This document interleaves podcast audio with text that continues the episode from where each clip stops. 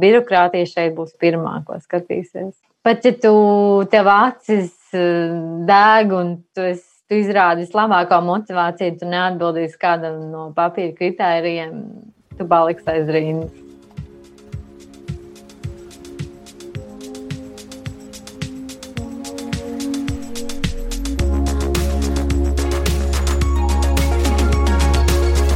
Čau! Es esmu Vineta Bērziņa, un tu klausies podkāstu pirms darba. Te skan cilvēcīgas un saprotamas sarunas par darba meklēšanu un atrašanu. Šoreiz podkāstā tālinātā intervija uz sarunu esmu uzaicinājusi Agnesi, kur dzīvo Francijā. Sveika, Agnese! Sveika! Vai Francijā ir tikpat karsts kā Latvijā? Nu, šodien jau sāk palikt, jā, bet uh, divas iepriekšējās nedēļas līkā pa Jāņiem. nu, mums tā ir riktīgs uh, karstumiņš. Es pat, ja godīgi neatceros, ka tāda vasara vispār ir bijusi. Agnes, es tevi nepieteicu, tāpēc uh, droši varbūt tu arī par sevi pastāstīt, jā, kas, kas tu šobrīd esi, vai tu esi darba meklētāja, vai, vai, vai nē, esi kā tu sevi dēvē? Jā, šobrīd es uh, esmu darba attiecībās, bet kopš pagājušā gada augusta um, man ir plāns pāriet uz jaunu profesiju, uz jaunu jomu. Un šobrīd es uh, aktīvi mācos un arī paralēli meklēju darbu jaunajā jomā, ko es vēlos pāriet uz IT jomu. Un, uh, un jā, lēnām, lēnām, maziem soļiem virzos uz, uz to pusi. Lieliski. Par to noteikti šodien eh, vēl parunāsim, bet gribu vaicāt, kā varbūt vispār tu nokļuvi Francijā, jo saprotu, ka tu jau vairākus gadus tur dzīvo. Jā, Francijā es dzīvoju jau septīto gadu, un uh, Francijā es nonācu darba dēļ, jo um, esot Latvijā, es strādāju Rīgas lidostā, un mans darbs ir saistīts ar uh, lidojumiem, ar lidostu. Un um, vienā brīdī lidosta Latvijā palika par mazu, Un tad es izdomāju, ka es varētu izvēlēties vienu no lielākajām Eiropas lidostām. Un tad no tā punkta skatīties, uz kuru pasaules malu es virzīšos. Bet nu, tā ir sanācis, ka jau septiņu, septīto gadu vēl joprojām esmu šeit, un šobrīd izskatās, ka tik ātri prom nedošos. Avi, aviācija, un tagad no aviācijas tu uz IT gribi nokļūt, vai ne? Jā, Jā, tieši tā. Cik interesanti. Bet, bet es pareizi saklausīju, ka tas bija darba dēļ. Nebija tā, ka tu devies studēt uz Franciju. Nē, darba dēļ. Jo es um, atbraucu kā turists. Mm, mans uh, viens no maniem draugiem ieteica uh, iesniegt manu CV lidostā. Es viņu arī iesniedzu. Uh, dienu pēc man zvanīja uz interviju. Un atgriežoties Latvijā, man zvanīja, kad es esmu pieņemta darbā. Un, un tad divu nedēļu laikā es visu atstāju Latvijā un braucu strādāt uz Franciju. Bet vai, lai tur strādātu un dzīvotu, vai nepieciešama franču valoda, vai tev bija toreiz pirms septiņiem gadiem franču valoda? Nē, pirms septiņiem gadiem man nebija franču valoda, jo es biju nu, pilnīgi pārliecināts, ka lielākajā Eiropas lidostā visi runā angļu valodā, un tad tie aptuveni 80% runās angļu valodā, un tad tos 20% es palēnām piemācīšos klāt. Diemžēl realitāte bija otrādi. Šeit eh, pārsvarā runā tikai franču valodā. Un es ļoti priecājos par tiem dažiem turistiem, kuri runāja angļu valodā, kuriem es tiešām varēju izrunāties un palīdzēt. Bet, eh, bet jā, man bija ļoti izpalīdzīgi kolēģi, kuri man standarta frāzes sākumā rakstīja, un es pēc kladītes viņas vienkārši lasīju. un, jā, bet, un tad paralēli kaut ko visu laiku dzirdot to valodu, to arī iemācīties. Jo es pirms braucot uz Latvijas biju nu, kā, ņēmusi kursus. Es varēju saprast, ko man jautā, bet es nevarēju atbildēt. Mm -hmm. Un tad aptuveni pēc kaut kāda mēneša, diviem jau tāds standarta frāzes, kas tieši saistīts ar darbu, jau, jau es varēju atbildēt uh, bez uh, paplašinātiem teikumiem. Un kā ir tagad, pēc septiņiem gadiem, vai, vai tu jau tekoši runā franciski? Jā, tagad jau visa komunikācija notiek uh, franču valodā. Un, un tagad jau jāsāk piedomāt tieši otrādi par angļu valodu, lai neaizmirst angļu valodu. Jo tagad jau pārsvarā ikdienā es runāju tikai franču valodā. Tu minēji, ka tu strādā lidostā, vai tu vari arī atklāt, varbūt, kas tā ir par lidostu? Jā, tā ir šāda gala Domāju, ka uh, lielākā daļa Latvijas turistu, kur lido uz, uz tālākām zemēm, vienmēr lido caur šo lidostu. Domāju, ka ir iepazinuši gan pozitīvās puses, gan varbūt ne tik pozitīvās. Es klausītājiem varbūt arī gribu atklāt, kā mēs iepazināmies. Tātad tu pirms kāda laika pieteicies uz bezmaksas 30 minūšu karjeras konsultāciju, bija attiecīgi tāda iespēja. Un tur jā, mēs ar tevi runājām un iepazināmies. Un arī atceros, ka to laiku tu minēji, ka tu esi Riga Girls mentoringa programmā un saprotu, ka šobrīd laikam esi arī, arī pabeigusi šo programmu. Varbūt par to nedaudz var pastāstīt, ko tieši tu mācījies. Un, un, un kāpēc, kāpēc varbūt vispār izvēlējies šobrīd pārklucēties uz IT? Tas bija kaut kad senāk jau tāda doma, vai tikai pēdējā pusgadā radās šāda ideja? Tā doma man radās uh, gandrīz pusotru gadu atpakaļ. Kad manā pārliecība par to, ka, ja pasaulē ir vieta, kur nekad neslēdz cieta, tā ir lidosta, jo, kā zināms, tie, kas strādā lidostā, viņiem nav ne Ziemassvētku, ne Jāņa, ne, ne Lieldienas. Un tad pienāca šis pasākums, ko sauc par Covid visā pasaulē. Un tad vienā dienā aizslēdz lidostu cietu, un, un neviens nezina, kad viņi atvērs vaļā. Zinot, ka mums Francijā ir septiņi termināļi, un viss ir ciet, visas lidostas. Tas man bija tāds šoks pašai sev par to pārliecību, ka ka nekas nav mūžīgs un, un kad uh, viss pāriet uz digitalizāciju. Varbūt jau tagad tas ir redzams, un arī daļa mana darba pāriet tieši uz digitālo pusi. Varbūt ir laiks uh, jau lēnām, neskatoties to, ka man aviācija vēl joprojām patīk, tā man ir cits lieta, kad ir laiks uh, varbūt pāriet vairāk kļūt par speciālistu tieši IT jomā. Un tas laiks tieši sakat ar to, kad Rīga Tegals izsludināja pirmās, kā, pirmās apmācības, iepazīsti tehnoloģijas. Un es izmantoju šo iespēju, jo es arī biju diezgan šauri domājuši šajā jomā. Domājot, ka IT ir tikai programmētājs un, un viss, un pateicoties tai programmai, tiešām Rīga Tegals parādīja, cik plaša plaša šī joma var būt. Un, un tāpēc, jā, neskatoties uz, uz informācijas pārbagātības eh, tomēr atradu kā, savu nišu, kas man vairāk patikt.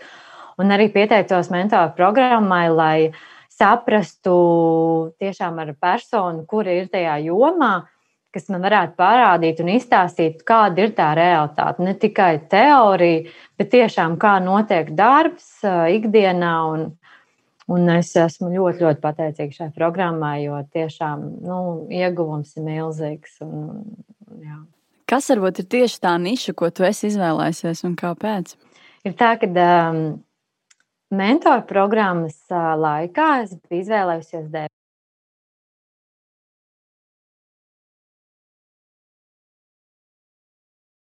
Nu jā, redz, redz, cik interesanti, ka tev to mentors ir stāstījis, un arī tu pati esi sapratusi, varbūt komunicējot ar dažām dāmām no Riga Tegrāls, piemēram, tās, kuras grib pārkvalificēties uz IT projektu vadību. Tur stāsts diezgan līdzīgs. Tu nevari būt IT projektu vadītājs, ja tev nav jau bijis kaut kāds pirmais solis IT pasaulē, vai ne programmētājs vai kāda cita profesija. Un daudzi to nesaprot, nu kā, kā tā var būt. Tad mēģina kaut ko meklēt, un, protams, tā kā nekas nesenāk. Bet kā ir? Tu šobrīd esi arī kaut ko meklējusi, varbūt darba tirgu, skatījusies, kaut kur pieteikusies? Jā, es esmu pieteikusies, bet nu, tieši runājot par Franciju. Bet, jā, tā kā atgriežaskā saite, tā kā nu, es neesmu saņēmusi, jo nu, teiksim, tā, es saņēmu drosmi sūtīt savu CV, bet lielākā daļa no punktiem nu, es īsti neatbildu. Bet, nu, kā saka, man ieteica arī mentors, ja nepamēģinās, neuzzinās. Un, un tagad, kas saistīts ar datu analītiku, es savu CV vēl neesmu sūtījis, jo es gribu iziet to kursu, lai tiešām kā, zinu to bāzi. Un, un tad, tad, jā, jūs esat skatījusies sludinājumus, un tieši kas ir pats pats pamats, izskatās, ka ir diezgan reāli, jo tie, kas sāk no pašiem pamatiem, jā, viņiem ir jāanalizē dati, viņiem iedod datus, un, un, un viņi netaisa nekādu tādu padziļinātu analīzi. Un, un, tā kā man tas tāda pozīcija man tiešām darētu, un tādu pozīciju arī meklē. Un līdz ar to, jā, un, un arī ir vairāki kursi gan Latvijā, gan arī online, kur tiešām ir, ir speciālisti, pie kuriem, nu, es esmu plānojusi vērsties. Bet kur tu vispār plāno meklēt darbu? Latvijā vai Francijā vai kaut kur citur pasaulē? Es neesmu piesieta nevienai valstī. Es, um, mans mērķis būtu vispār strādāt no mājām. Es uh, gribētu, ka mans birojs būtu mājās un es varētu strādāt jebkuru valstu uzņēmumam. Jo tieši datu analītikai ir vajadzīgi dati. Vajadzīgs uh, dators, dati un viss. Tāpēc, ja jautā, kur es meklēju darbu, jebkur pasaulē. Teiksim, bet, nu jā, reāli, reāli tieši, protams, būtu vairāk, ja tas nav tikai no mājām, tad Francijā. Ja to var apvienot, kad var darīt attālināt, tad arī es labprāt strādātu Latvijas uzņēmumam. Jā, es labprāt gribētu starptautiskā uzņēmumā, kurā nav tikai viena nacionalitāte, vai nu tikai latvieši, vai tikai franči. Uh, Jo nu, tāds kā, piemēram, Google vai Amazon. Jā, man pašā jau Google. Runājot par Latviju, gribu tev pavaicāt, kā tu septiņus gadus uh, dzīvo Francijā, bet nu, tāpat droši vien seko, kas notiek Latvijā, varbūt ziņu portālos vai uh, sociālos tīklos, un draugi varbūt arī kaut ko stāsta. Kā varbūt Latvijas darba tirgus izskatās no Francijas? Jā, es uh, pati esmu skatījusies tieši, kas saistīts ar IT. Manuprāt, ļoti daudzsološi izskatās, jo ir arvien vairāk un interesantāki darba piedāvājumi. Var redzēt, ka notiek sadarbības starp valstīm. Līdz ar to rodas darba iespējas. Uzņēmums ir bāzējies Latvijā, bet viņam ir filiāls arī citās valstīs, kas dod iespēju strādāt kaut kādā nelielā, bet startautiskā uzņēmumā, ne tikai latviešu. Un tieši tāpat arī Latvija, uzņēmumi, kas ir dibināti Latvijā, ir, es biju pārsteigta pateicoties Rīga Tekels, kur mums bija iespēja klausīties kā, lekcijas un stāstījumu no cilvēkiem, kuri strādā šos uzņēmumos, kad es biju pārsteigts, es nezināju, ka tāda uzņēmuma eksistē. Uh, IT nozare, jā, ir, ir daudz sološi Latvijā, bet kā varbūt ar citām nozarēm, vai tu esi paskatījusies, kas tur notiek? Nu, īsti nē, jo tā nav tā mana prioritāte šajā brīdī. Bet, ja algas, piemēram, salīdzināt IT nozarē Latvijā un Francijā, vai ir kādas atšķirības? Jā, ir lielas atšķirības. Jā. Nu, kā kurā uzņēmumā, kā kurā pozīcijā, bet, uh, ja nosauc tikai ciparu, tad uh, tad liekas, ka tā atšķirība ir liela. Minimālā alga Latvijā un Francijā jau stipri atšķirās. Kā, kāda, kāda ir Francijā minimālā alga? Minimālā alga šeit ir. Pirms nodokļu kā, no, nodo, ir 1200. Mm -hmm. Jā, nu, ir 500, tā, ka 10 eiro stundā ir minimums. Nu, lūk, nu, kas ir ļoti maz. Francijā šādu algu dzīvot kā, pašā Parīzē, nu īsti nē. Bet tāpat laikā, ja mēs skatāmies Latvijā, dzīvojot, nu, nezinu, pieņemsim, cēsīs ar 1200 eiro, ir tā ļoti laba naudas summa. Ja nosauc tikai cipari šādi, tad, protams, tas liekas, ka ir wow. Bet man liekas, ka tieši IT jomā Latvijā ir um, adekvāts uh, atalgojums uh, tieši priekš Latvijas. Un varbūt pat nu, tā, lai cilvēki tiešām strādātu tajā nozarē, tāpēc arī cilvēki vēlas strādāt tajā nozarē, kad uh, atalgojums tiešām no, darbu šajā nozarē novērtē, manā skatījumā. Un tieši tāpatās arī Francijā, nu, es nevienā sludinājumā neesmu redzējis minimālo algu tieši IT nozarē. Tā varētu būt, jā. Bet runājot jā, par šo stāvo karjeras transformāciju, par biznesa datu analītiku, vai tu esi dzirdējis varbūt kādu šādu stāstu Rīga Tegels vai kaut kur citur, kur tieši šajā profesijā kāds ir pārkvalificējies laimīgs un, un šobrīd strādā jomā? Tieši datu analītikā nē, bet mums bija tāda DevOps grupiņa, un tur jā, viena meitene, viņa pieteicās darbam par um, IT operation speciālistu, un jā, viņa šobrīd aktīvi turpina mācīties un strādāt un apgūt, un, jā, un ne tikai viena viena mums ir vēl joprojām kontakts ar meitenēm, kas ir šajā grupā, un ik pa laikam nāk kā, jaukas ziņas, kad meitenes ir dabūjušas darbu un dalās. Un, un, jā, kā, uh, veiksmes stāsti neviens vienīgs un tiešām milzīgs prieks. Ja tu, ja tu zini, kādas meitenes droši vari man ieteikt, es ar viņām sazināšos un, un uzaicināšu uz interviju parunāt. Bet tas lauciņš, ko tu esi izvēlējies, cik esmu balsījis pētījumus, tad tieši nākotnē tā būs viena no pieprasītākajām profesijām. Tātad biznesa datu analītika, tā skaitā viss, kas saistīts ar datiem, šī big data. Un uh, es esmu laikam dzirdējis vairākus darba meklētājus, kuri domā arī, arī līdzīgi kā tu pārkvalificēties uz šo. Nu, un es parasti viņus iedrošinu, jo cik es zinu, tad uh, vismaz Latvijas darba tirgu ļoti bieži meklē šādus jaunākos speciālistus, teiksim, tā varbūt, kuriem nav vēl tā pieredze. Jā, bet ir izietas varbūt kādas šīs tehniskās programmas. Lai varētu strādāt šajā lauciņā, ir analītiskā domāšana un, un motivācija strādāt. Tā, tā ir tāda perspe perspektīva joma, kur, kur ja kādam nāk prātā, tad tiešām iesaku, ej, ej mācies un dari, un darbu tu atradīsi. Bet man tāds jautājums, ar ko varbūt atšķiras vispār, tavuprāt, Latvijas un Francijas darba tirgus? Ticu, ka ir diez, diezgan daudz atšķirības. Jā, ar ko tieši atšķiras? Um, Kad skatās darba sludinājumus, pirmā lieta ir, ka Francijā šeit ļoti svarīgi ir formalitātes. Pirmkārt, izglītība konkrētajā jomā, jo nu, katrs darba sludinājums sākas tieši ar konkrēto izglītību, kurā skolā, kāds grāds un tā tālāk. Ja skatās Latvijā, jā, tas arī tiek prasīts, bet bieži vien šis punkts ir 4. un 5 vairāk skatās uz to, ko cilvēks reāli ir spējīgs izdarīt, pat ja viņam nav maģistra grāts IT zinātnē. Jā. Šeit Francijā tas ir tieši otrādi. Dažreiz ir tā, ka izglītība un papīrs ir svarīgāks nekā reālās zināšanas. Mm. Tas ir tā. Otram kārtam ļoti svarīgi šeit ir apdrošināšana. Teiksim, ja, piemēram, es šobrīd meklētu kā, pra, nu, prakses vietu, mm -hmm. tad, ja Latvijā pieņemsim tev, nu, tā, kad tu pieteikties kaut kur praksē bez maksas, vienkārši lai praktizētu, tad tas, manuprāt, ir daudz vienkāršāk nekā šeit Francijā.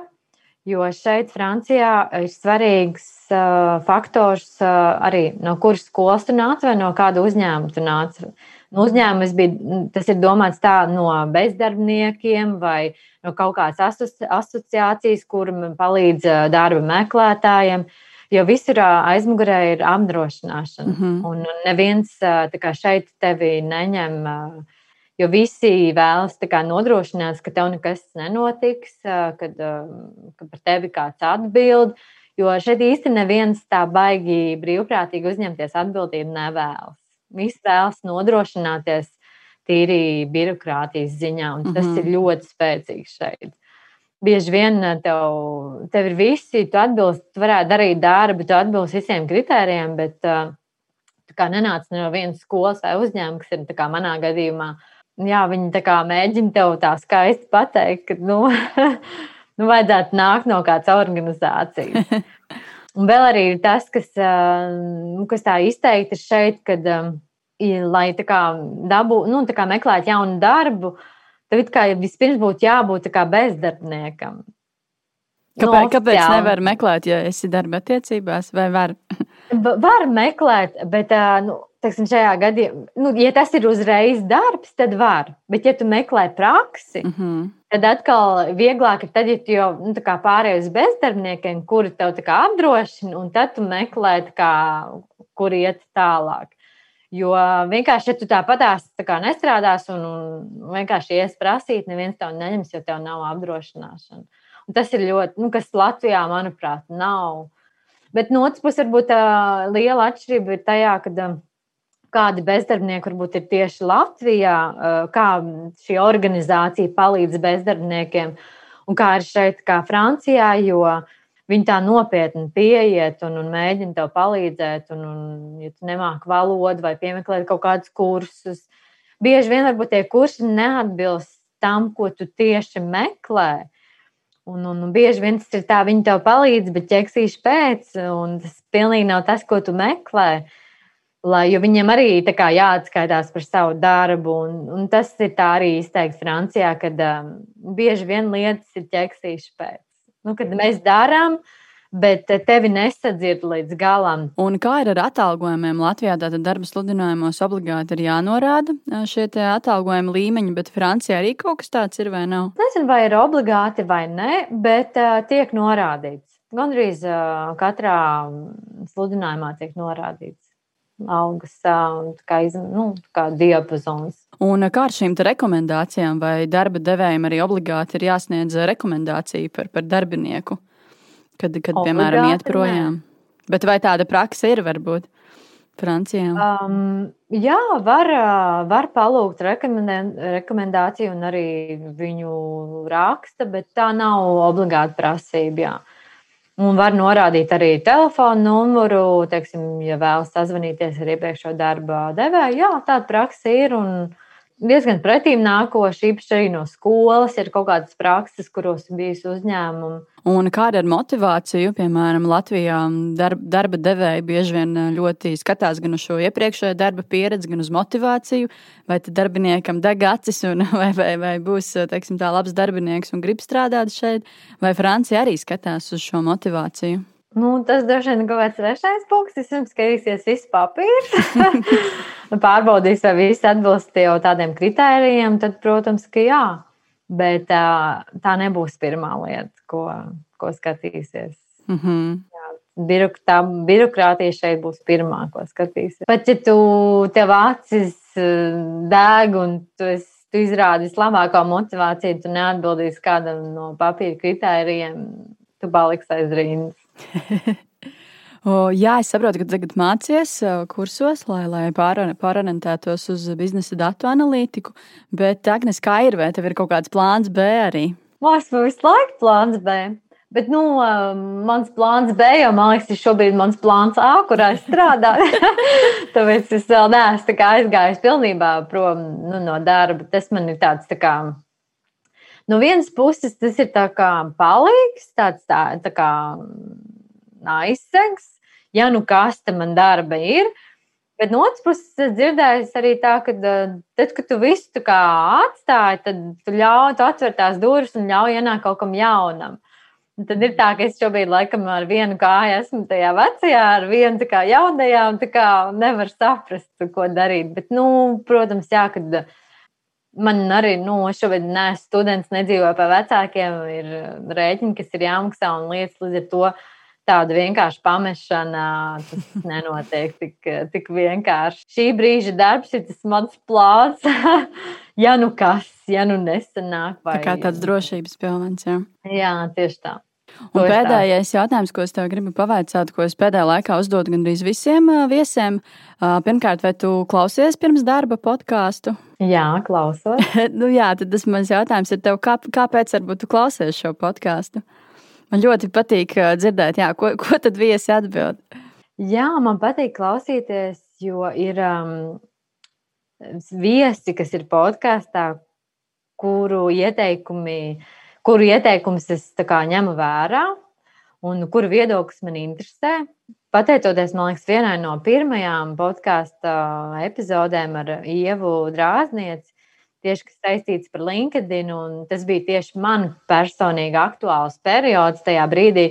Un tad bieži vien tieši šādos podkāstos tu saņem atbildi uz tavu jautājumu, kuru tu kā, nu, nevarēji uzdot, vai nesanāca laiks, vai tā tālāk. Un tas man ļoti patīk, kad uh, bieži vien šādos podkāstos ro, uh, roda atbildes uz jautājumiem, kurus skaļi ne, netiku izteikusi un, un, un kur viedoklis ir interesanti paklausīties. Jā. Un, un bieži vien trāpas epizodes, kuru likās, varbūt izlasot, tev viņa tā īsti nepiesaistīja. Bet sākot klausīties, es domāju, wow, labi, ka es to klausījos. tā kā jā, tas man ļoti patīk, kad ir roda atbildes. Super. Uh, Agnese, vēl tev veiksmes pārklācēties, un, ja tev tas drīzā laikā izdosies, noteikti dod ziņu. Gribēšu tevi uzaicināt vēl uz sarunu, lai tad, lai tad dzirdētu, kā tev veicies darba meklēšanas procesā, intervijās un, un CV sūtīšanā un tā tālāk. Tā kā veiksmes un uz saziņu. Paldies! Uz saziņu! Uz saziņu! Tā! Tu noklausījies podkāstu pirms darba. Lai nepalaistu garām nākamās nedēļas epizodi, seko maniem ierakstiem LinkedIn un Facebook. Abonēt jaunās epizodes un noklausīties iepriekšējo sezonu intervijas var visās podkāstu platformās un YouTube. Ja esi pozitīvs un vēlies atbalstīt manu darbu, raksti komentārus un pārsūti manus ierakstus savam draugu pulkam. Uz tikšanos podkāstā pirms darba!